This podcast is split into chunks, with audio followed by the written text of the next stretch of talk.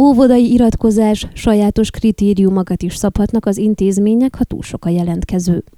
A három-hat évesek óvodába iratása május 31-én hétfőn kezdődik el, derül ki az Oktatási Minisztérium nemrég megjelent hivatalos átiratából. A már óvodába járó gyermekeket is ismét be kell iratni a következő tanévre, amely egy kérelem kitöltéséből áll, és május 17-től lehet leadni, áll a Szorin Jon államtitkár által aláírt hivatalos közleményben. A beiratkozással kapcsolatban a szülők faxon, e-mailben vagy telefonon is közölhetik az oktatási intézménnyel a szükséges adatokat, így minden jelentkezőt regisztrálnak a romániai oktatás integrált információs rendszerében. Közölhetik az adatokat online is, de egyszer úgy is be kell menni személyesen is a szülőnek az óvodába, hogy aláírja az iratkozási kérelmet. Az intézmények majd közlik az általuk kidolgozott beiratkozási ütemtervet, fejtette ki Kovács Júlia, a Maros megyei magyar óvodákért felelős szaktanfelügyelő. A visszairatkozási szakasz befejezése után a megüresedett helyek betöltése általában a korcsoportok csökkenő sorrendjében történik, azaz elsőbséget élveznek a nagy csoportosok, középső csoportosok és végül a kis csoportosok.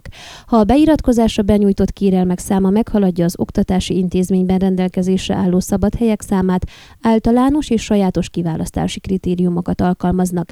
Általános kiválasztási kritériumnak számít, ha a gyerek mindkét szülője meghalt, vagy gyermekotthonból, nevelőszülőknél családi elhelyezésből származó gyermekről van szó, továbbá, ha a gyermek az egyik szülőjét vesztette el, vagy az érintett oktatási intézményben a következő tanévre beiratkozott testvér is van, illetve ha fogyatékkal élő vagy beteg gyerekről van szó.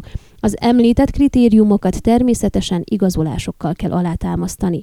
Amennyiben a szülőktől beérkezett jelentkezések száma meghaladja a rendelkezésre álló férőhelyek számát, akkor a gyermekeket az általános kritériumok számának csökkenő sorrendjében osztják el, azaz először azokat a gyermekeket vehetik be, akik a fenti kritériumok közül háromnak megfelelnek, majd azokat, akik a kritériumok közül kettőnek, végül azokat, akik csak egy kritériumnak felelnek meg, olvasható a hivatalos közleményben. Amen. Ha több a jelentkező, akkor ezeket a speciális helyzeteket figyelembe kell venniük az óvodáknak, és sajátos kritériumokat kell megszabni, amelyek alapján felveszik a gyerekeket. Ilyen sajátos kritérium lehet a lakhely szerinti elosztás is, mondta el Kovács Júlia szaktanfelügyelő.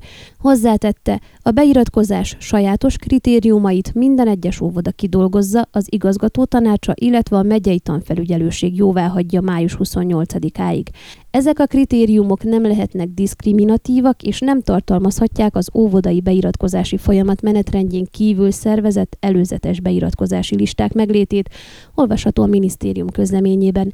A magánóvodai intézményeknek az óvoda státuszára vonatkozó információkat is fel kell tüntetniük, azaz, hogy ideiglenesen engedélyezett vagy a romániai közoktatási minőségbiztosítási hatóság által akreditált intézményről van-e szó, áll az Oktatási Minisztérium dokumentumában. Egy tavaly küldött hasonló levélben a minisztérium nem tartalmazta ezt a kötelezettséget. Ön a Székelyhon aktuális podcastjét hallgatta. Amennyiben nem akar lemaradni a régió életéről a jövőben sem, akkor iratkozzon fel a csatornára, vagy keresse podcast műsorainkat a székelyhon.pro portálon.